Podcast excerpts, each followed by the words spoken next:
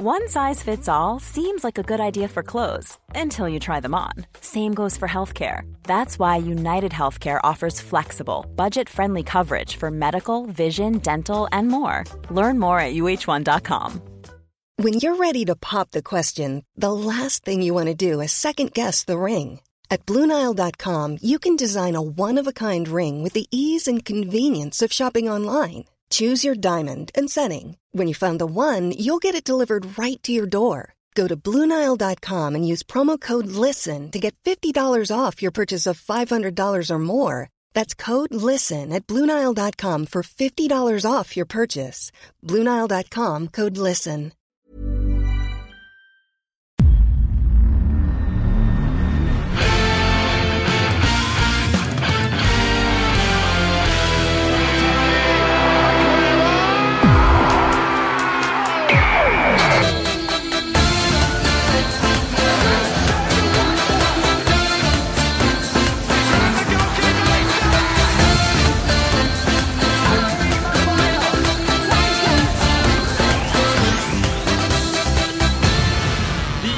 Hälsar återigen eh, varmt välkomna till denna stora inför-guide som vi gör här på Rule Britannia där vi börjar blicka fram mot en alldeles jävla underbar Premier League-säsong som snart stundar. Vi eh, gör det i ett eh, lite uppmallat format. Vi, vi tittar tillbaka på vad lagen presterade förra säsongen, om det har skett förändringar i trupperna med ett aktivt eller kanske lite mindre aktivt eh, transferfönster. Vi eh, tar eh, tempen på vad det finns för stjärnor, talanger och eh, vad, ja men kanske målsättningen för de olika klubbarna är.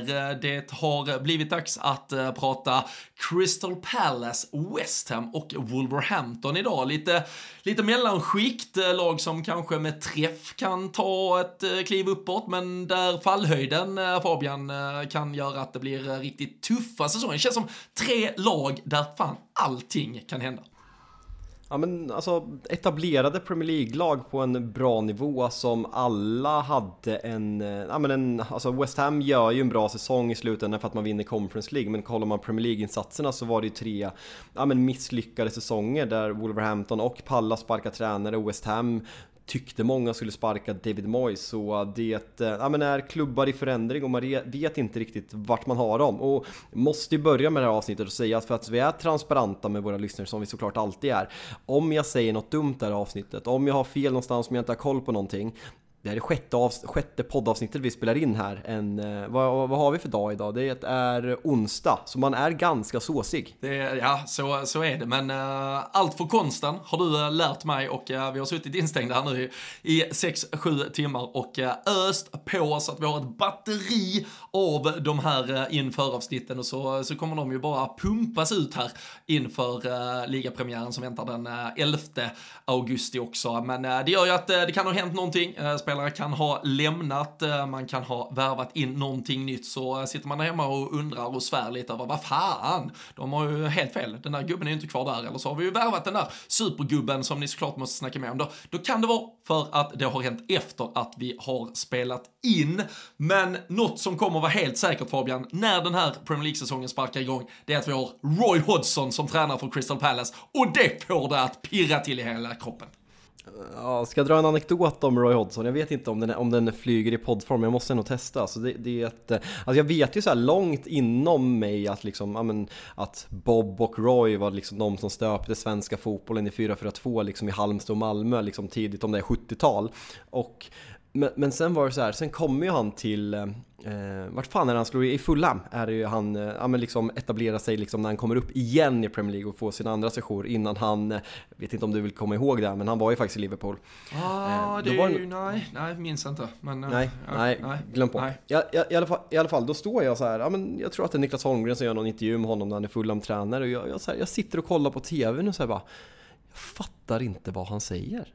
Så här, vad, vänta, vänta nu, vad, va, va, vad säger Roy Hodgson? Jag sitter så här, jag koncentrerar mig, det går typ en och en halv minut, jag så här, koncentrerar mig, jag bara sitter här, jag säger till min pappa, Alltså vad fan pratar han för språk? Jag fattar ingenting han, han pratar svenska. Nej men jag vet, jag, jag, jag, kom, till, jag kom till Malmö och, och där satte jag min prägel på den offensiva fotbollen. Vi hade vårt 4-4-2 och det, det är jävla fina minnen därifrån alltså. Det, ja. ja men alltså jag satt, jag satt verkligen och jag ska höra engelska nu och satt så här och koncentrerade mig lite yngre. Och så bara, nej jag fattar inte ett ord bara. Ah, och sen när jag, när jag insåg att det var svenska, då fattade jag varenda ord. Men om... Eh, mm. Ja, det är något med, no, någon som kan eh, forska på lite hjärnhalvor och sådär så är det nog eh, någonting med kring hur man ställer in dem för att försöka tolka någonting som sen blir väldigt, väldigt annorlunda. Kom den upp i två plus eller? Två plus är väl det är väl max i alla fall. Det, vi ska nog inte jobba med någon större skala uh, för att uh, ge dig godkänt. Men... Två, två, två, plus är alltid taget, det är godkänt. Ja, nej, det, det, det ger vi dig, absolut. Det var fint och uh, allt som, som har med Roy Hodgson, förutom det där halvåret i Liverpool att göra, är lite lagom fint. Så det, det tycker jag att vi kan ta med oss i det här avsnittet. Också, också ett specialavsnitt, Liverpool under Roy Hodgson. Christian Poulsen, vad hade vi mer för spelare? Joe Cole kommer ju den sommaren, sen Milan Jovanovic, uh, Christian Poulsen. typ Martin, Martin, Martin Kelly kanske? Nej? Alltså han får ju absolut spela. Uh, så, ja. så deppigt är det. det, det är, uh, och framförallt så sitter han väl efter 7-8 omgångar när vi har tagit typ 7-8 poäng och säger att uh, we're not too big to be in the relegation zone. Då, då känner man ju direkt att nej, nej, kanske du ska dra snabbt härifrån. Det där, det här är som när David Moyes säger i Manchester United We need to be better in passing, pressing, scoring, defending. Åh fan. Ja, då, då, vet man att man har en bit till eh, fornstora dagar. Men äh, i år, den här säsongen, vi får se hur länge, men i alla fall när vi sparkar igång så ska Roy Hodgson leda detta Crystal Palace-lag som äh, vi börjar ta en liten titt på. Och äh, man tog sig till slut faktiskt upp på en elfte plats när du refererar till en ganska svajig säsong så var det ju framförallt Eh, den första del som, eh, där man leddes av Patrick Vieira. Eh, det var väl också ett väldigt strategiskt bra läge för tränarförändring. Jag har för mig man hade haft typ United, Liverpool och, och någonting till och kammat noll där i fyra, fem matcher och sen väntade ett väldigt mycket på pappret lättare spelschema när man gör den förändringen. Roy kommer in och får ett par billiga poäng inledningsvis och äh, ja men sen så, så får man ju faktiskt äh, fart på saker och ting. Det blev äh, fem segrar, tre kryss, två förluster under Roy Hodgson där de sista tio matcherna och kom ju som sagt in i ett dopat spelschema, men han kunde ju ganska snabbt och enkelt faktiskt säkra det där kontraktet. Eh, så ehm, det var en fin vår. Han fick ju framförallt också väldigt mycket fart på Eberechi Etze som eh, flög högst av alla under eh, våren. Belönades ju också med en landslagsplats för England där till slut på den sista landslagssamlingen. Och ja, men det är väl ett, ett Crystal Palace nu då som man däremot känner att jaha, vad, vad ska det bli av det härifrån för att Roy Hodgson kunde rädda det.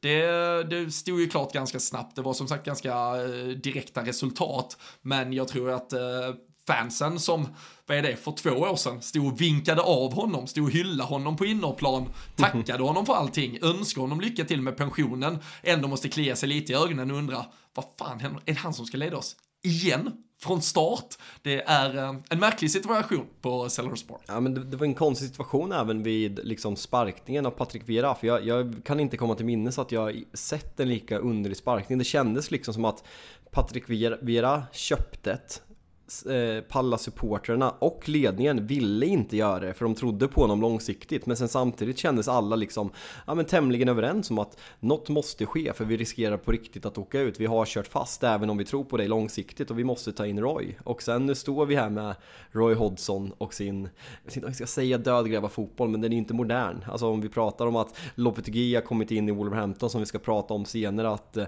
Unai Emery har kommit in i Aston Villa, att de här liksom på papper pappret mindre klubbarna börjar få in elittränare så är det väl i grund och botten ja, men Crystal Palace och West Ham som vi ska prata om i det här, de här avsnitten som står med de två gamla klassiska brittiska, kanske lite dåtida tränarna i David Moyes och Roy Hodgson. Och eh, Roy Hodgson sticker ju ut där, framförallt med sin ålder. Hur, hur gammal är han ens? Uh, oh, är han 76 kanske? Uh, jag, jag har inte födelsedatumet uh, framför mig och kommer inte kolla upp det, men jag vet att han har i alla fall basat över över 20 lag i åtta olika länder sedan 1976. Han har alltså snart 50 år som tränare på absolut eh, toppnivå. Lagt, eh, lagt av två gånger, men eh, kunde ju först inte stå emot när Watford behövde hans hjälp. Det var för förra säsongen när han eh, gick in och tog några sista matcher där och sen då när hans, eh, får man ändå säga, hans älskade Crystal Palace, eh, som han blev så förknippat med de senaste åren, ändå behövde honom och ville ha honom så, så har han ju ställt upp igen. Och det jag tänker, och det som, jag, jag hör dina liknelser med West Ham, men där jag ändå tycker den skillnaden, eller stora skillnaden är ju att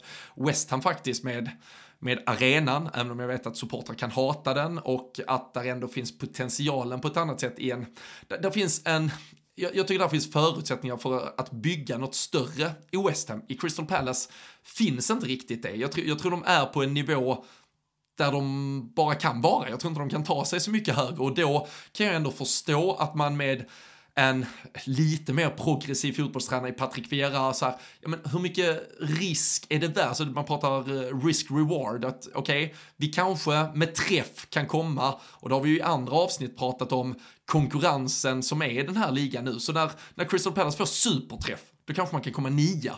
Men det kanske också då är om den här typen av tränare som vill spela någon form av säga, riktig fotboll inte får träff, ja men då kanske luftslottet lite sprängs och så, så är man plötsligt indragna i bottenstriden. Med Roy Hodgson kanske Crystal Palace istället får en garant för att man kommer mellan 12 och 14 plats. Och det kanske är exakt det Crystal Palace för alltid ska göra. Det måste vara svintråkigt som supporter, men det kanske inte finns mer att kräma ut av det och då kanske det det är den tråkiga vägen man måste gå tyvärr. Ja, nej men det är väl så. Om vi pratar lite transfers inför kommande säsongen, vad, eh, alltså det som sticker ut är såklart Wilfred Zaha som nu precis när vi spelar in här i dagarna har presterats i uh, Galatasaray. Det uh, var det och uh, lite udda flykt ändå. Oväntat! Ja, men det, ja, men oväntat. Upp, alltså, upp, uppiggande, alltså han är ju superaura av att göra Turkietflytten men man kände väl kanske efter att eh, ja, pengar har börjat strila in från andra håll att uh, han skulle blicka ditåt istället. Så att, han ändå, att han ändå väljer Galatasaray, det, fan, det, det, det, har någonting i alla fall. Jag vet inte exakt vad. Sen eh, tror jag att Palace-supportrarna är ganska jag vet inte om de är besvikna, men över att eh, det var ju en, eh, alltså en kontraktslös till slut av Wilfred Zaha som nu lämnar och eh, eftersom det inte togs avsked av honom under den gångna säsongen i slutet av den så var ju ändå förhoppningarna att man kanske skulle kunna förhandla fram en eh, lösning som skulle göra att han stannade på Sellers Park. Men eh, det blir en flytt. De har även släppt eh, ett par deppiga innermittfältare, James MacArthur, Luka Milivojevic, som man framförallt minns för, vad kan det ha varit, tre, fyra år sedan, han gjorde typ tio straffmål en säsong. Och på infronten än så länge så är det Jefferson Lerma som kommer in från Bournemouth. Så du hör att det, alltså det, det sprakar inte kring eh, Crystal Palace sommar än så länge. Men där finns ju en bricka i ett eh, mittfältspel som eh, kan göra att det kanske blir lite, ja men att det börjar hända lite mer för eh, Crystal Palace framåt. Ja, det behövs ju verkligen hända för det känns så här, ja, men man, eh, man ville någonting med Patrick Vieira, nu går man tillbaka till, till Roy Hodgson som du pratade om och man tappar sin, ja, men, sin stora stjärna och liksom har varit i klubben väldigt länge, hade en misslyckad sejour i United och kom tillbaka. Så eh, det känns lite så här, ja, men, svårt att säga om vart vi har Crystal Palace. Om vi, om vi pratar, om vi hoppar över stjärnan och talangen som det ska få komma på, men kan man liksom på förhand, kan man inte blanda sig i bottenstriden om man ska vara helt ärlig? Det är mycket frågetecken. Jo, men, men det tror jag absolut. Och, och, och som jag är lite inne på, jag, jag, tycker att allt som handlar om 7-8 poängs marginal ner till den där uh, nedflyttningsstriden, det, det, är en lyckad säsong för Crystal Palace med, med deras förutsättningar år efter år efter år efter år i stort sett. Sen eh, finns det ju spelare med ja, men extrem kvalitet i det här laget och det, det är väl det som gör de kvarvarande veckorna på det här fönstret ganska intressanta ändå för deras del och, och där det framförallt kanske är förknippat med extremt mycket eh, ångest för eh, det finns en Sheikh Doucouré på det där mittfältet som, som ryktas kunna vara en av de mittfältarna som Liverpool tittar på ifall Fabinho släpps. Där finns en eh, Michael Olise som eh, offensivt är ett alternativ för, för Chelsea och flera andra klubbar. Där är en mittback i Mark Guehi eh, och eh, ett uttal som eh, jag alltid kommer att behöva kämpa med, men där det finns ja, men kvalitet och en Etze kanske är den som minst ryktas bort, men där vi också har sett att höjden i honom visar att det nog kan finnas intressenter, kanske inte denna sommaren, men längre fram från, från andra klubbar. Så det, alltså det är ett, det är ett ganska alltså, spretigt Palace där högsta nivån är hög och där finns många jättebra spelare, men där finns också ett par alldeles för deppiga spelare i det här laget för att man ska riktigt känna att där finns stabilitet nog för att de ska bygga något riktigt, riktigt bra. Och det är ju det som var häftigt med liksom eh, övergången och liksom när man gick från Patrik Vieras moderna fotboll, då man värvat spelare, alltså många av de här du nämner är väldigt moderna spelare som har väldigt mycket boll i sig och gillar att spela bollen och sen kommer Roy Hodgson in med sin dåtida så att liksom att det på pappret skulle kunna vara en clash men att det föll så bra ut så det ska bli, ja men nu får Roy Hodgson en, en hel försäsong. Det finns, ja, men som du säger, Ese, Olise, Guehi, alltså så här unga jävligt bra spelare. Vad kommer hända med Dokore som, som vi också pratade om som ryktas till Liverpool? Um, mm, I mean, mycket frågor. Nu återkommer jag dit igen men eh, nej, så jävla kul ska det inte bli med Pallas om jag ska vara helt ärlig. Ska det? Nej. Nej, nej, alltså Crystal Palace är ett, eh, ett lag som, som bara finns där och uh, så stöter man på dem två gånger per säsong och det är ungefär då man bryr sig om dem. Sen, uh, sen får de göra vad de vill resten av de 36 omgångarna varje säsong. Det, det brukar vara ett lag som, som faktiskt inte bekommer en allt för mycket, vågar jag har säga. Vi någon, har vi någon Palace-supporter så slida våra DM för vi vill få in en. Det, de är svåra att hitta. Ja, ja faktiskt. Jag, jag, kan vara så Jag tror aldrig jag har sprungit på en Crystal Palace-supporter. Jag försöker jag känner, jag, jag, känner en väldigt nära vän. Min, eh, min gudsons pappa Nej, vad fan blir det? Min kompis, alltså min gudsons nu, nu, alltså, som sagt, jag, jag tror det man, sjätte Man brukar inte referera till sin kompis som sin gudsons pappa. Jag tror bara man säger kompis i så fall. Jag känner att det är lite, när, det är lite närmare. Det är ungefär som så här, jag, jag gillar ju, alltså jag är ju tillsammans med min, eh, min sons mamma. Alltså, det, det är ju min fru. Det är så svagt, men visst. Oh, jag, behöver, jag behöver ett glas vin just nu. Ja, nej, vi, vi är som sagt min, många avsnitt. Min kompis pappa håller på Crystal Palace. Ja, vi får se, om, vi får se. Efter, efter den här eh, väldigt märkliga försöka koppla eller, ihop det. Eller, eller, eller min gudsons farfar kan man säga. Ja, så kan man också säga. Så, så kan du beskriva honom. Men äh, vi, vi får väl se om eh, din gudsons farfar dyker upp i Real Britannia någon gång framåt. Och ska vi i så fall prata Crystal Palace. Ulrik Olsson. Så tror jag i alla fall att han mest av allt vill prata ändå Eberechi Etze. Jag, jag tycker han är stjärnan nu. Alltså, Wilfried Zaha har ju alltid varit det egentligen och så länge han hade stannat så hade han varit det oavsett om han hade toppat den här poängligan eller inte. Men jag tycker ändå att eh, i Etze så, så får man en ja men en, jag ska inte säga en, en, likvärdig spelare för det är han ju på inga sätt egentligen. Det är ju väldigt många skillnader från en Wilfred Zaha men du får poängproduktionen eh, på ungefär samma nivå men du får också en mycket mer hårt jobbande spelare. Han eh, går i mål till slut på 10 mål, 4 assist, eh, uh, 6 plus 1 av dem kom under Roy. På tal om att få fart på offensiv kreativitet och eh, med den där platsen i eh, Southgates landslag så, så vet vi ju vad som händer med, med prislappen, med ryktet på öarna. Det, vi uppe på halvmiljarden säkerligen ifall han ska lämna, ha kontrakt på i alla fall två år till.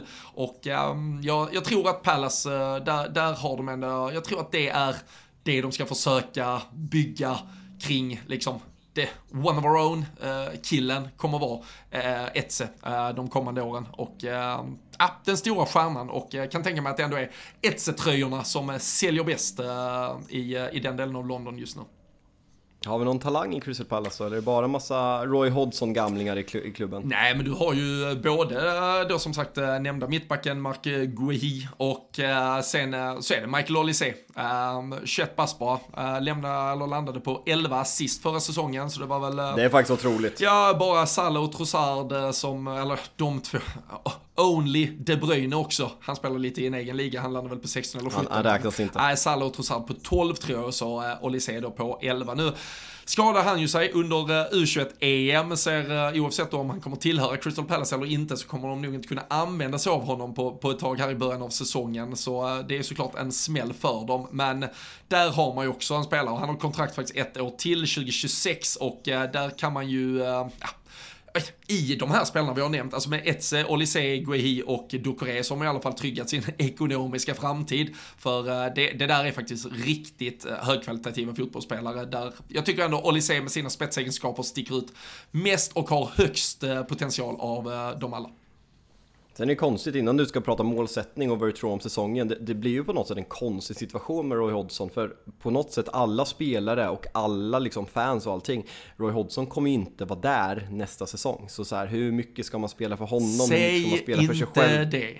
Nej, nej, sant, sant, sant, sant. Gå. Nej, jag, jag köper det helt. Att uh, du vet ju inte, är det, är det här ett bygge man ska vara med på? Det, det, känns, ju, det känns ju svårt att uh, se Roy Hodgson stå med, han står väl med overhead-apparaten och presentera sin vision 2030 på hur Crystal Palace ska ta över Europa. Men uh, man har ju svårt att se att Roy Hodgson ska, ska leda den långa vägen. Så hör vad du säger kring det. Och jag tror det blir en kämpig säsong för Palace som målsättning och vad man ska ha för förväntningar så tror jag bara det handlar om att med lite marginal klara kontraktet och eh, ta det därifrån sen och eh, kika lite på spel. Jag såg här eh, förra säsongen så var man faktiskt det laget som hade näst flest kryss av alla i eh, ligaspelet. Eh, och jag tänker att om man då tappar lite, lite edge i Saha, man har lite skador på Lisey, kanske tappar någon spelare till så kanske mer kommer handla om att inte förlora matcher. Och så kanske man får lite svårare att dessutom då vinna och avgöra matcher i, eh, i slutskedena så att man kanske blir det laget som till slut spelar flest kryss av alla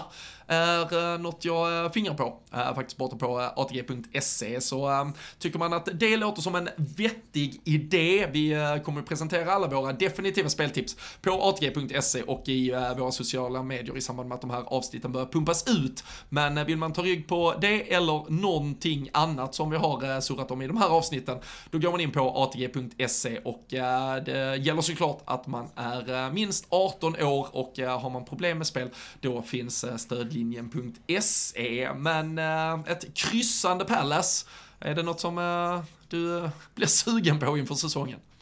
Alltså ett kryssande Roy Hodgson känns ju så, ja men det känns så skrivet i stjärnorna så det, det gillar jag verkligen och eh, vi gör väl en snygg övergång där till ett annat lag som också brukar kryssa ganska mycket, nämligen Wolverhampton.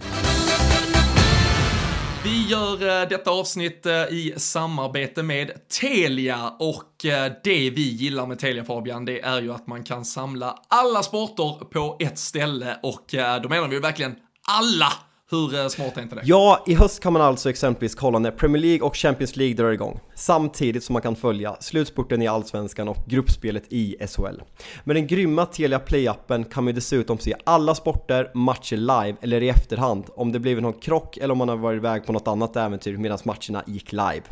Och eh, vill man, eh, varför man nu skulle vilja det kanske, alltså ta en liten, liten paus från eh, all sport som finns där ute så kan man ju såklart även plöja igenom hela det enorma utbud av filmer och serier som finns på Viaplay och Simor genom Telia. Och man kan, håll i hatten nu här Fabbe, alltså även lägga till HBO Max utan extra kostnad. Otroligt. Och då sitter folket där hemma och tänker hur saftig den här notan blir. Nej, men alltså det kostar ju bara 649 kronor i månaden, vilket gör att man alltså sparar över 500 kronor jämfört med om man köper alla de här tjänsterna separat. Nej, men det är eh, total succé och eh, ja, men samla sporten smartare, spara massa pengar. Det är Telia det, så stort tack till Telia. Ja, jag tror faktiskt de var, jag tror delade andra plats. Jag tror det var Tottenham med flest kryss faktiskt och eh, sen uh, Wolves och uh, Crystal Palace förra säsongen. Så det, ja, det är en smidig och bra övergång till ett lag som man kanske ska förvänta sig lite mer av än vad vi fick ut eh, förra säsongen, eller? Ja, men svår att säga om, alltså så här, väldigt så här, ja men en transaktion, alltså en, en transition, eh, vad, vad, som kommer ske med klubben och det, det, jag känner här när jag ska prata om förra säsongen att varenda klubb jag har pratat om hittills sparkade tränaren förra året. Och det, det, är väl typ varenda klubb i hela England som sparkade tränare, det var väl eh, dunderrekord i sparkade tränare förra året, men det var ju verkligen att man, man slutade till slut på trettonde plats. Och det var väl på någonstans där man hade förväntat sig att Wolverhampton skulle sluta. Alltså 13 plats för Wolverhampton är inte dåligt. Alltså man hade en period där man slutade åtta men sen har man kommit lite på ja, men dekis efter det. Men när Lopetegui tog över klubben så låg man alltså på nedsprintsplats precis i eh, VM-skiftet där. Eh, så, och att Lopetegui, liksom, vi har pratat om det här med, med tidigare tränare i podden, inte bara i de här inför avsnitten med Unai Emery som som går från eh, Villarreal och liksom har historia i Sevilla och PSG och tar Aston Villa. Lopetegui har liksom tränat Real Madrid, han har tränat spanska landslaget och senast fick han sparken från Sevilla. Att han går och tar Wolverhampton som ligger på nedflyttsplats i Premier League, det säger ju, det säger ju väldigt mycket. Men sen samtidigt, kollar man på förra säsongen, jag tycker att 13 plats är lite att det liksom sminkar över en gris. Man är sju poäng före Leicester som slutar på 18 plats och man var väldigt länge indragna i den där bottenstriden. Så det, det är en 13 plats som låter bättre än vad det är. Ja, och eh, jag ska bara för den som eventuellt äh, sitter där och känner att ah, fan, nu är han ute, nu, nu är han ute och cyklar fullständigt. Det, var, det är Newcastle och inte Tottenham som eh, hade så otroligt många kryss. Det var Newcastle och Brentford faktiskt som hade 14 kryss eh, var för säsongen. Crystal Palace hade 12 och, och Wolves, det måste vara att man tänker på förrförra säsongen kanske, för då vet jag att de hade så jävla många, det var åtta kryss förra säsongen. Så rätt ska vara rätt, men däremot så var det väldigt mycket uddamålssegrar för Wolverhampton och det tänker jag att vi ska återkomma till. Men kan du inte lära mig lite mer om Lopetegui ändå? Nej men det är ju framförallt alltså det här fina schemat som, som sticker ut. Alltså så här, det vart väl inga jättelyckade eh, sessioner i varken spanska landslaget eller Real Madrid, men han har ändå funnits där. Han har gått väldigt långt i Europa med, med Sevilla. Och sen var ju den här, nej men den här hösten han gör förra året där Sevilla håller på att åka ut. Nu, nu vann ju till slut Sevilla Europa League, vilket man alltid gör på något jävla sätt. Men de bytte ju tränare där, han tog Wolverhampton, det var mycket fram och tillbaka. Vill han gå dit? Vill han ha mer pengar? Vill han ha liksom kunna sätta sin prägel på laget? Vilket man såg att han fick göra redan i januarifönstret då han värvade ja, men ganska mycket. Eh, så Mm, ja men en eh, överkvalificerad tränare för Wolverhampton om man bara kollar liksom, om man kollar utifrån hur det ser ut. Och det är klart att det är att Premier League-status eh, syns jättetydligt här, men eh, nu får han ett helt, ehm, nu får han liksom sätta sin prägel på det här laget. Det ska bli kul att se vart, vart det här tar vägen, för det känns som liksom den här portugis-satsningen med Jorge Mendes, den har liksom dött av lite. Vi har Ruben Neves som har lämnat i Saudiarabien som kanske är den som, ja men en av de värvningarna som sticker ut mest för att det är en spelare i sin prime och Wolverhamptons absolut bästa spelare. Så det är ju frågetecken kring Wolverhampton och vad Lopetegui kan göra med tanke på kanske framförallt vad man har tappat för spelare.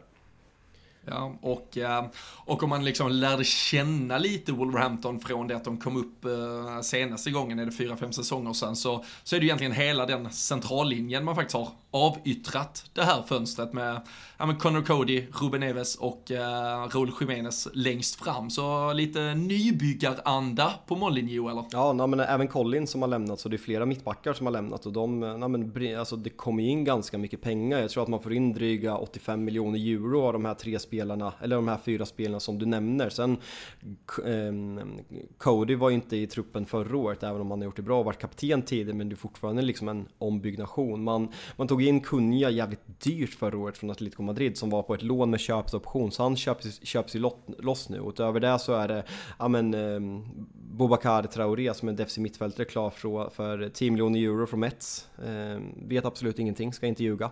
Eh, och sen, det som kanske sticker ut mest på ett romantiskt sätt är att Matt Docherty efter misslyckade sessioner i Tottenham får väl ändå säga lån till Spanien eller om det var, var det kan fan ha varit en permanent transfer gratis till slut och sen ett korttidskontrakt men han är i alla fall tillbaka i Wolverhampton där han slog igenom stort på den där högerbackspositionen så det där är ju för oss romantiker ganska charmigt att se honom komma tillbaka och man hoppas ju att han ska liksom kunna få en revival i sin karriär eh, den här säsongen. Ja, nej, det, är, det är du, dubbla free. Han går lite i uh, Choupo-Motings uh, fotspår och uh, lägger uh, free transfer-övergångar på, på sitt CV. Han gick uh, gratis till Atletico Madrid och så uh, gratis nu tillbaka till öarna uh, i och med kontraktet med, med Wolverhampton. Men är det rakt in i fantasy-laget och så ska han bara pumpa på assist och göra 10 plus 3 eller något sånt direkt eller? Ja men där hade man honom ju och det, det, hade, det hade varit kul och fan, min frågeställning alltså när man pratar om Wolverhampton det, det, inför en kommande säsongen är väl lite vart man är på väg. Alltså vi minns alla, alltså jag, jag håller Wolverhampton som en av de frejdigaste nykomlingarna i Premier Leagues historia. Och det var ju mycket liksom på grund av Jorge Mendes satsning att man fick liksom ja, men spelare som kanske var överkvalificerade för en typ av Wolverhamptons klubb liksom eh, förutsättningsmässigt, statsmässigt eller statsmässigt man, man eh, huserar strax utanför Birmingham. Men liksom så här historiemässigt och det, det har inte varit charmigt att spela för Wolverhampton tidigare. Men det, det är ju på något sätt de, det är Leeds eh, under Bielsas första säsong som, som sticker ut på ett positivt sätt om, om vi bara tar de senaste åren. Nu känns det lite som att man har stagnerat de senaste säsongerna. Det har sakta blivit sämre och sämre och nu för första gången så ja, men var man länge inblandat i bottenstriden. Så fråget, frågetecken är så här, hur länge orkar Jorge Mendes? Det känns inte lika ambitiöst längre, det känns inte lika starkt det här portugisspåret. Så vart är Wolverhampton på väg och hur snabbt kan det vända och braka liksom om Lopetegui lämnar? Hur snabbt kan det gå till att man liksom börjar blanda sig på riktigt i bottenstriden? Och om man åker ut, hur snabbt tar man sig kvar? För man har inte historien som vissa andra klubbar i Premier League har. Nej, och eh, där känner man väl också när vi, när vi drog listan med spelare som har lämnat och, och sen då det, det som istället har kommit in. Det känns ju som att det är, det måste ju vara en del kvar att göra under uh, sluttampen här av uh, transferfönstret. Uh, det, är, det är klart att det finns höjd i en uh, Matheus Nunes där, där, där, Liverpool var superintresserade förra säsongen. Det ryktades ju även under, uh, ja, men under säsongen att Liverpool skulle gå tillbaka till, uh, till det förhandlingsbordet men ta då affären med Wolverhampton den här sommaren. Det har ju inte varit något alls som har fått fart men det är klart att det finns en del kvalitet. Max Killman, mittbacken har ju växt ut och ryktats till, till större äventyr också under sommaren men det känns väl som att Wolverhampton ändå måste ha in någonting för att man ska känna lite lugn ifall man är Wolverhampton-supporter. Ja men truppen känns tunn och eh, samtidigt så ryktas det inte så jävla mycket så det, det är det som är svårt. Alltså man behöver in, man behöver, man tappar två mittbackar även om Cody inte var i truppen så där måste man liksom bredda, alltså ytterbackar, det är inga liksom så som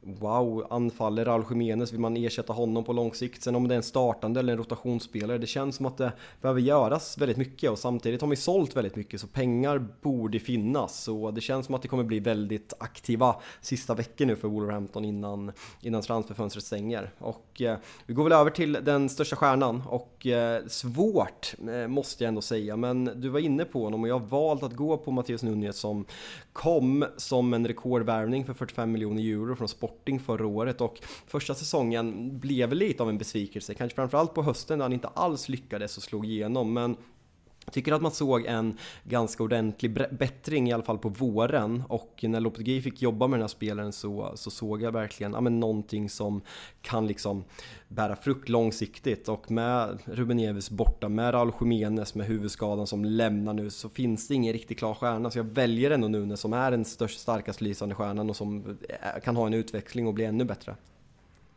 Ja, frågan är väl uh, bara det, ja, känns som malplats. Ja, men det, det har i och för sig folk gjort förr i den där uh, truppen på grund av Jorge eh, Mendes och uh, det, det, är bara så svårt att se vad, vad alla de här portugiserna vill, vill, vill göra i, i det där Wolverhampton-bygget. Men eh, det, det, har väl något att göra med lönekuvert och, och lite annat som ändå gör det intressant. Men eh, det, det känns ju då ändå när vi drog de här spelarna som lämnar och vad bygget eventuellt kan, eh, eller var det kan ta vägen. Att, vill man vara sist kvar i den där båten, vill man vara med och spela ner Wolves i ett, i ett Championship och sådär. Men ja, att Nunes ska vara kvar den här säsongen ser väl det mesta ut att tyda på just nu när vi sitter här.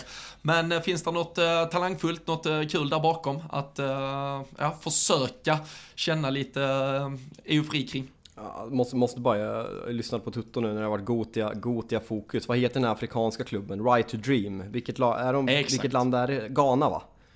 Ghana. Ja exakt. Är Wolverhampton Portugals Right to Dream? Liksom man sätter så här lite äldre portugisiska spelare så att de får åka omkring i England och visa upp sig för att få en större transfer. Det är eh, en eh, liknelse så god som någon. Eh, den, den får ungefär samma betyg som din Roy Hodgson-anekdot. Som sagt, där, där som sagt, sex poddar på en dag. Så är det. Så är, så är, så är det verkligen. Nej, talangen alltså det, det, det kryllar väl inte eh, av dem. Men jag har valt att gå på Jao Gomes eh, som faktiskt kom i januari förra säsongen eh, när Wolves besegrade Lyon om kampen om hans underskrift. Han fick ihop 11 matcher i Premier League under sin första vår och med Nieves, nej fan jag orkar inte, jag kommer inte se, alltså jag, jag vill bara vara jättetydlig, jag är ironisk när jag säger det. Neves. Neves. När Ruben Neves, eh, med Ruben Neves out eh, är känslan att man ska hålla ett extra öga på den 22-åriga brassen i år då hans chanser på det där centrala mittfältet kommer öka. Så Joao Gomez ska ni hålla koll på i år. Ja, jag, jag, jag, jag satt här medan du uh, pratade lite om Gomez och tänkte att Max Killman, det, känns ju som att han nyss har slått igenom. Så går man in och kikar, ah, 26 bast. Ja, de, de, har, de har inte så här tok många så här unga spelare. De har, ja, men de har många spelare i bra ålder, men inga sådana här liksom, ja, men som Evan Ferguson i Brighton, Garnacho i United, alltså Harvey Elliott, Liverpool. Alltså inte i den åldersspannen. Så det var, vi fick gnugga en 22-åring här. Ja, sen eh, det är väl, eh, vad har vi ju, vad är Fabio Silva nu? Jag tänker med tanke på Raúl Jiménez drar, det måste vara 22-23 eller något sånt. Ja, något sånt, men där, där, fan, där har man väl gett upp va? Är man, eh, är man helt död på honom. Vad blir, var han i PSV på lån förra säsongen? Oh, jag har faktiskt ingen koll men jag, nej. jag vet inte. Jag vet inte om det är uppsynen, hans spelstil, jag vet inte. Det är någonting som, ja men det... det finns ingen som när han sitter på bänken ser så sugen ut på att gå och lägga sig istället för att spela fotboll. Ja, jag, är, uh... Han kanske är skitbra i år, jag vet inte men det, det känns inte som det i alla fall. Nej, nej. Vi får se om eh, Fabio Silva vaknar och eh, kliver ur nattmössan och presterar på planen. Men eh, oavsett hans närvaro eller inte, är det typ rädda kontrakt igen som det handlar om för Wolverhampton då? Eller ska man ja, blicka, blicka högre ska man vara förväntansfull. Det, det låter ju inte så efter eh, den här kvarten om dem. Alltså samtidigt, jag tycker väl på något sätt att det finns lag som är sämre i år. Eh, jag, eh, om, om, om jag försöker prata utifrån vad jag tror att Wolverhampton-supporterna känner så tror jag att man verkligen vill liksom känna att man tar nästa steg, att man förbättrar sig. För det var länge sedan, alltså om vi bara går två, tre år tillbaka så var ju Wolverhampton där Brighton och Aston Villa befinner sig idag. Liksom att man utmanade strax efter topp 6, liksom man kunde sluta 7-8 och liksom övre halvan med liksom en bra säsong. Nu börjar vi prata om nedflyttning. De har fortfarande ruggigt högkvalitativa spelare i den där truppen. Många från liksom Portugal, Spanien. Ehm, Framförallt. Man har en väldigt hög kvalitativ för den här nivån i tränaren i Lopetegui så det finns ju fortfarande liksom saker som gör att man kan drömma som supporter. Sen är det mycket frågetecken också, men liksom kan man använda de här pengarna man har fått in på Ruben Neves, på Rally Jiménez och så vidare så, så tycker jag ändå att det finns en potential och liksom ett, ja men ett ganska färdigt bygge för den här nivån på ganska många plan och liksom kan man sluta, ja men 13, alltså slutar man 13 igen så är det såklart bra Sen var det som jag sa att den där trettonde platsen var lite fejkad förra året med tanke på hur nära man var att åka ut. Men kan man liksom aldrig känna hotet från nedflyttning och sluta, ja men säga fjol, mellan 14 och 10 så gör man en jättebra säsong. Men jag tror att det är viktigt för Wolverhampton att man börjar känna att man är på väg uppåt. Att man inte fortsätter att ha den här negativa trenden som man nu har haft i tre säsonger. Det tror jag är jätteviktigt. Ja. Och, eh, och det som har varit ett stort problem, de, de har haft väldigt svårt med målskyttet. Vi, vi har pratat Raul Jiménez eh, som det finns ett, eh, ett före och efter den där otäcka huvudskadan mot Arsenal och när man nu då går in i en säsong, även om det känns som att man kommer sakna honom så är det, det är ju inte många mål man ska ersätta och vi, vi kan skoja lite om Fabio Silva och vi får väl se hur man får till den där offensiven. Men jag tror att väldigt mycket kommer handla om att försöka hålla nollor och vinna med typ 1-0 när, när chanser ges. Så jag har faktiskt börjat kika lite borta på eh, ATG.se på att uh, man ska vinna ja, men x antal matcher, kanske 5-6 matcher med exakt 1-0. Jag tittar på, på att det blir mycket, i alla fall uh, låg uh, målfabrikation när Wolverhampton är involverade. Jag kikar lite tillbaka på förra säsongen, det var typ 6 eller 7 matcher förra säsongen också, så jag, jag tror det är ett koncept man kommer hålla hårt i, även då den här första fulla säsongen som man hoppas det blir med Lopetegui. Eh, och eh, då får vi se där, men eh, ATG.se gäller ifall man vill rygga våra långtidsspel och det är såklart bara för alla som är 18 år och för de som inte har problem med spelande för i så fall ska man vända sig till stödlinjen.se. Men vad tror du om det Fabian? Att det blir många uddamålsvinster efter att man har stått med hela laget i försvarslinjer och så kontrar man in 1-0 i 93. Ja men känns inte Wolverhampton som en klubb som det verkligen så sitter i DNA? Alltså så här, vilken tränare och vilka spelare man än tar in så kommer det bli målsnålt, det kommer bli tight och det kommer vara liksom possession men det kommer inte göra så mycket mål. Det är ju samma som Brighton, alltså nu med De Serbi så, så fick man in bollarna, men det har varit lite samma där, att man har haft problem med målskyttet. Så jag, jag gillar spelet verkligen, eh, så eh, det här tror jag på. Ja, men det låter bra. Vi eh, tar oss från Birmingham och ytterkanterna där tillbaka till eh, där vi började och eh, London va och eh, blicka på det där laget som tillsammans med Crystal Palace då tränas av en gammal stofil. Är du sugen på det? Det är ju faktiskt också den liknelsen eller ja, raka linjen drog vi inte tidigare men Roy Hodgson kom ju och förstörde min klubb. David Moyes försökte förstöra din klubb och nu ska vi snacka lite West Ham här sista 15-20 minuterna också. Ja, det, det här vi landar i att det är avsnittet med tränare som förstörde våra klubbar. Ja, ja men vad fan, sådana avsnitt ska också göras. Det, det, det, är viktigt att vi får med hela breda spektret och eh, självklart ska vi prata mycket om Conference League-mästarna.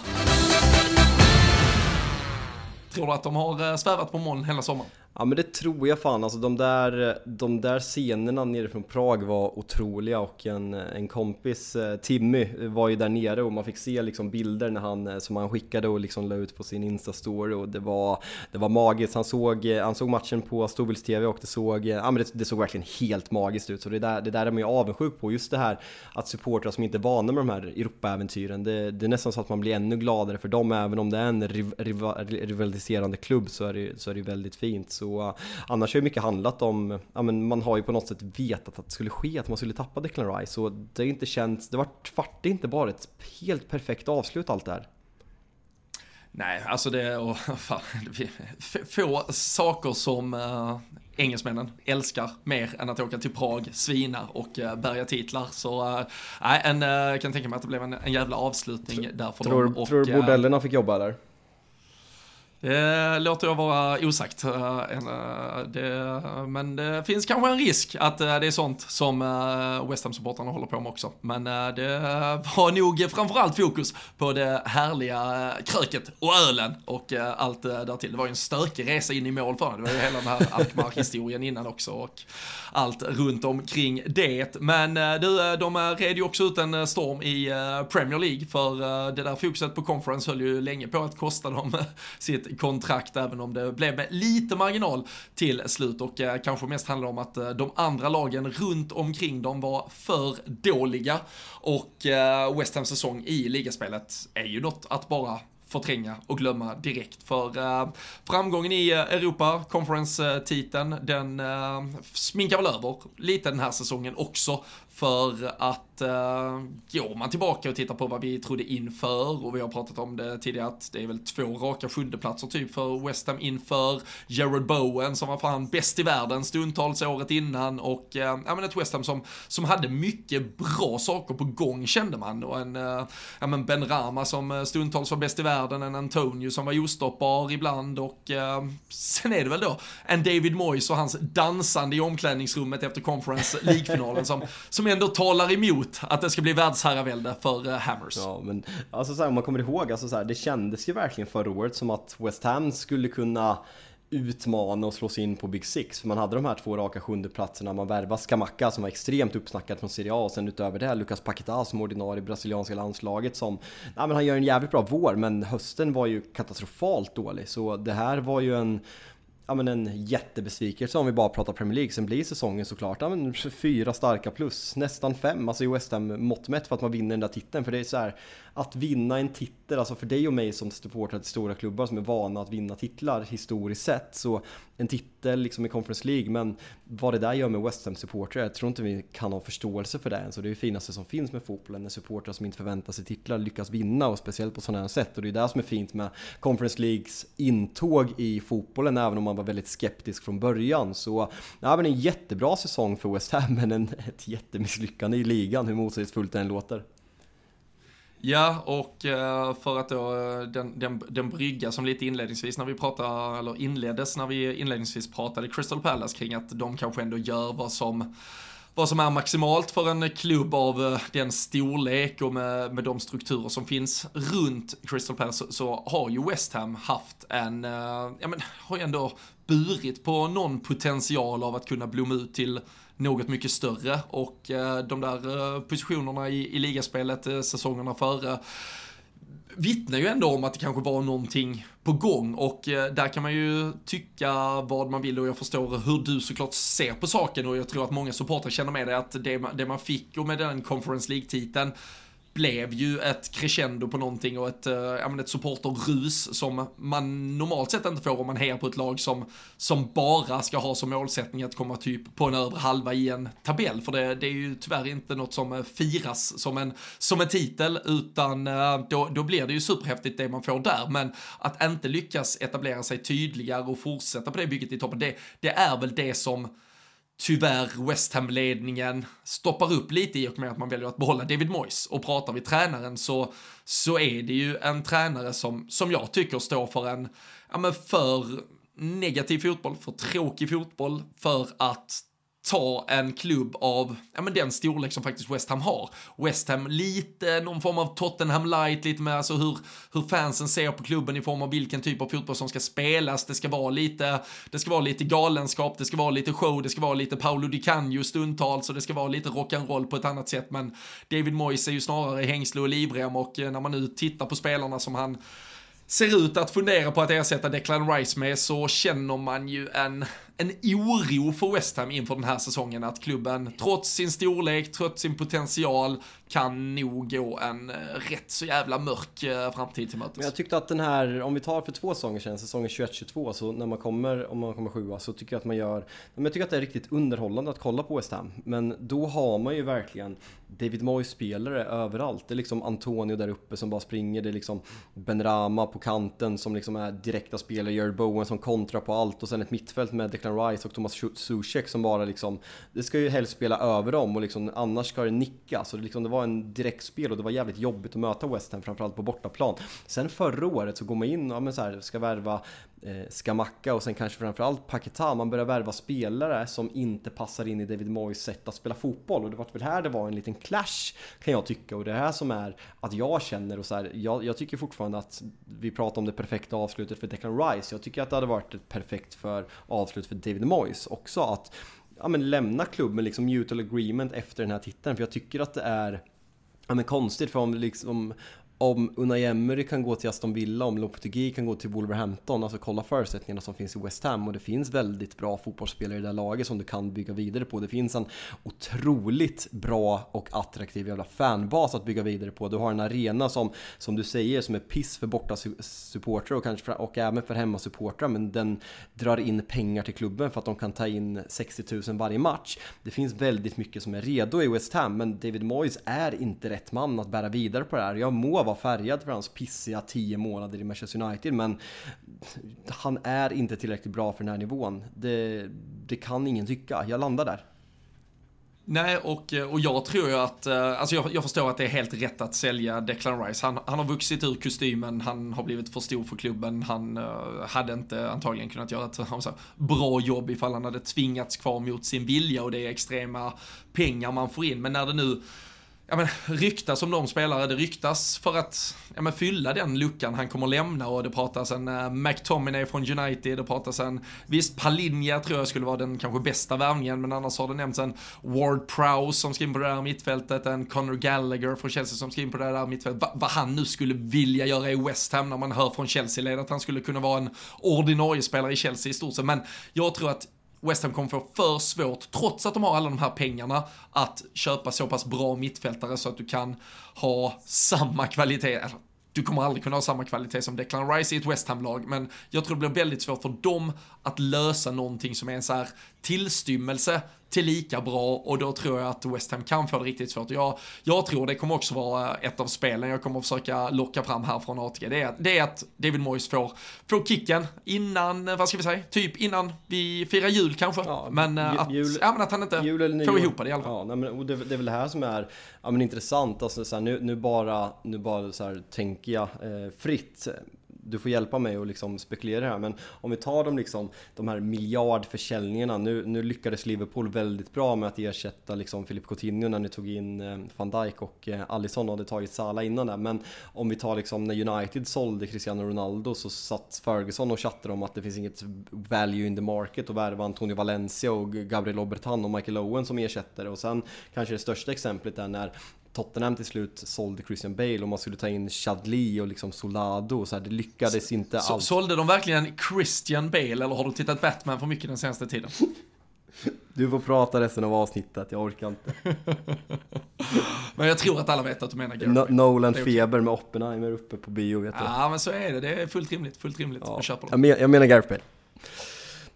Nej, men och där, och där är det ju också, alltså sälja, för om du tar exemplet med Liverpool, alltså sälja, när du inte behöver köpa om säger, samma spelare eller ersätta verkligen den positionen, då kan du göra mycket för pengarna. Ofta när du får in så fett mycket pengar som du får in. Men just när du måste så tydligt ersätta med typ exakt samma spelare, men det kommer bli ett sånt extremt kvalitetstapp. Det, jag, jag tror det blir svårt för West Ham att äh, lappa ihop detta. Och äh, det, nu har vi väl vägt in både, både transfers och snackis och allt möjligt som, som är kring äh, West Ham.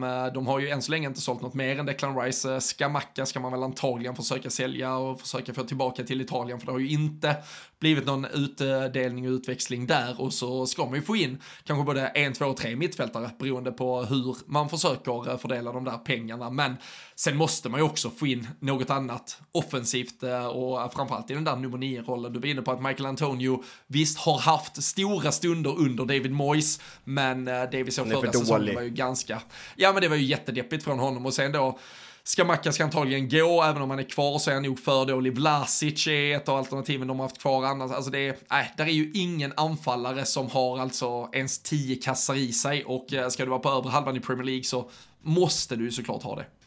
Ja, nej men alltså det är intressant och det känns som att det, ja men förutom, det är ju bara ersättaren till Declan Rice som ryktas, alltså i McTominay och eh, Palinja som jag nämnt, men det är mycket annat som, eh, som kommer ske. Vem, har du koll vem, vem som kommer ta binden? Vad är rimligt?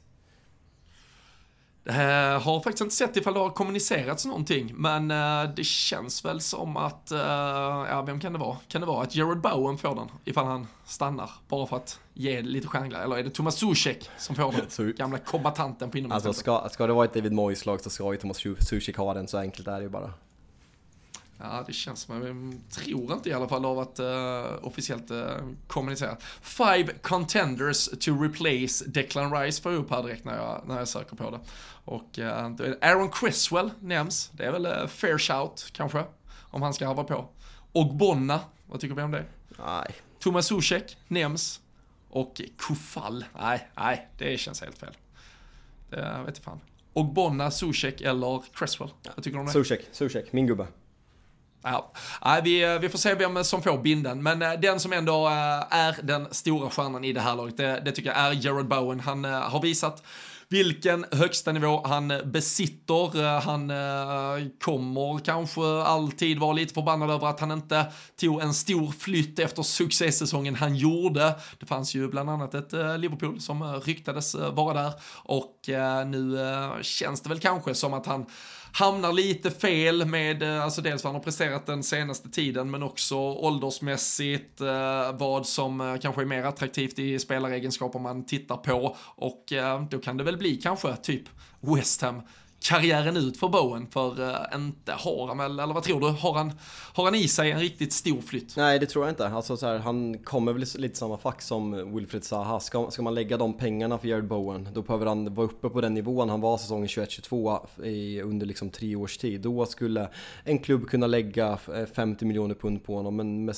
förra säsongen i, i liksom färskt minne så nej, och skulle lämna som bossman är väl enda alternativet, men skulle han göra det? Nej, jag, jag ser verkligen ja, men en Wilfred Zaha situation, kanske minus Galatasaray spretiga äventyret för Jared Bowen som vi ändå måste benämna jävla bra ramsan har fått ändå. Ja, ja absolut. Jag, var, den, var ju, den lämnade många frågetecken initialt där folk var väldigt eh, offside först initialt på vad den handlar om. Men det är väl att han är, han är tillsammans med någon tjej och så är det något namn där som eh, blir någon bra ramsa i slutändan. Ja, men Danny Dyer heter hon väl. Eh, och hennes, hennes pappa är alltså Danny Dyer. Så det, det, var väl det här som folk hade svårt att... Hon heter alltså Danny och han heter Danny. Så and is shagging Danny Dyer till eh, tonerna av, det är väl Will Griggs-ramsan va? Precis, Jajamensan. precis, precis. Ja, nej, det är en, eh, en sång som säkert lär fortsätta eka, men eh, däremot så blir det väldigt svårt för West Ham att sjunga om något särskilt nytt och spännande, för det är en eh, trupp som är eh, ålderstigen, snittålder på eh, 27,8 och Bempa Johnson är yngst i hela truppen med sina 23 bast. Var visserligen uttagen i U21-EM-truppen, eh, eh, det är ju det här man ska vara under 21 när kvalspelet börjar, så eh, man kan väl, om man försöker vara snäll, så kan man ju säga att det ändå är en U21-landslagsman och mästare från eh, sommarens mästerskap som de huserar, men en, äh, en depp deppig skara ungdomlighet i eh, det här West Ham. Och det har man ju hört på spelarna vi har nämnt också. Det är ålderstiget. Det är ganska tråkigt. David, och det, David, det är David Moyes. Det är David Moyes. Det är David Moyes. Det är David Moyes, så enkelt är det. Och då ska det inte vara någon 19-årig spännande spelare i det här truppbygget heller. Vet du vad man säger då? I'm sorry to say it again, it's Moise. Ett Moise. Moise. Ja, han kanske får, eh, han kanske får plocka in Elaramendi på mitten, så kanske det blir lite spännande. Okay. Spelar han fortfarande? Så vad fan, kan vi få honom? Mon- så uh, jag är med och betalar. A monkey in a suit with a better job. Ska sitta och, ja. sitta och imitera Andy Tate för resten av, eh, resten av avsnittet.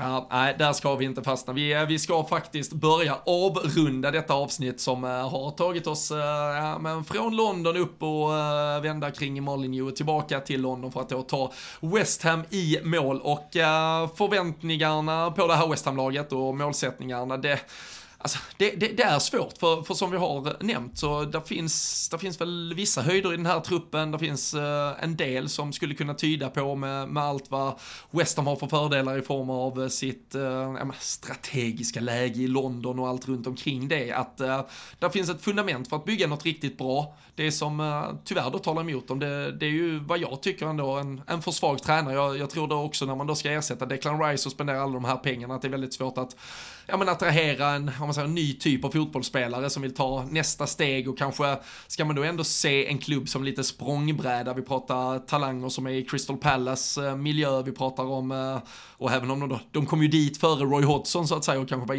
intresserade av ett annat projekt och vi har pratat Brighton och andra klubbar där du kan ta de här två, tre åren och så sticker du vidare. Jag har svårt att se vilka spelare som känner att det är under David Moyes i West Ham man vill ta och få den utväxlingen och tro att man får det på sin karriär. Så det kan göra att man nog inte får, um, får in kvaliteten man behöver. Och eh, som conference-mästare så ska man ju dessutom spela Europa League, vilket betyder att, ja, det är ju ett ganska tufft Europaspel som beroende då på om fansen har fått merspak och kräver att man presterar där så ska det ju gå ut över ett ligaspel också. Så det, ja, det, kan, kan West Ham komma topp 10 ska de vara supernöjda, men jag tror de kan få det riktigt tufft. Oh, alltså, riktigt tufft vet jag inte. Jag, jag säger att man sämst kommer 12 för kommer du, du, du, du, du, du, Scott McTominay in i laget så Så, ja men då kan det bli topp 5 alltså. och så Harry Maguire på det, då blir det fan Premier League-titel till West Ham. Ska vi lägga det som långtidsspel hos ATG eller? West Ham att win, win the lot. Ja, med, eller Harry Maguire lift the trophy, då brukar man ju kunna spela på också. Så, som kapten. Fy fan. Han, är det, han, han, är, han är nya kaptenen. Hur, hur hade du hanterat om Harry Maguire står bredvid en leende, dansande David Moyes och lyfter Premier League-pokalen? På Old Trafford säkrar de den. Nej, då, då, då sörjer jag att jag bor bara på tredje våningen. För... Eh, ja, får, får knäcka på skrannen lite högre upp. Se, se om det är ledigt och kolla sista matchen. Nej, vi, eh, vi får se vart eh, det tar vägen från, för West Ham härifrån och in i mål. Det här har varit ännu en av alla våra genomgångar av lag inför att Premier League sparkar igång fredag kväll den 11 augusti. Vi är sjukt taggade på att det här ska dra igång. Vi har eh, lite i förbifart, lite här och var nämnt lite olika speltankar som vi har. Vi kommer ju lägga långtidsspel tillsammans med ATG.se, men eh, då gäller det att man är 18 år och eh, har man problem med spel då finns stödlinjen.se. Men äh, ge er in i debatterna, det här har varit ett spretigt avsnitt. Jag lägger mest skuld på dig Fabian för att eh, det börjar bli lite jobbigt och, och tungt här nu eh, efter många timmar i burken vad gäller de här inspelningarna. Men eh, vill, man, vill man klaga på oss eller tycka att vi har missat något så finns vi på sociala medier, eh, Twitter och Instagram, bara sök upp oss där så tar vi diskussionen vidare, annars blickar vi fram emot en grymt häftig säsong. Det är ändå skönt att jag börjar med att liksom brasklappa för att det är sjätte avsnittet att jag är ganska körd i hjärnan. Sen vad jag haft för något, jag har haft två plus anekdoter om Roy Hodgsons svenska, jag har kallat en av mina bästa kompisars pappa för min gudsons pappa pappas pappa och sen har jag kallat Gareth Bale för Christian Bale. Så eh, mm, det har varit en lång dag. Det är ett hattrick så gott som eh, något. Så, äh, snyggt jobbat. Nu, eh, nu tar vi lite paus, men när folk sitter och lyssnar så finns det såklart ett äh, nytt äh, rykande fast avsnitt utan att bara klicka sig vidare till äh, direkt. Vi äh, hörs snart igen.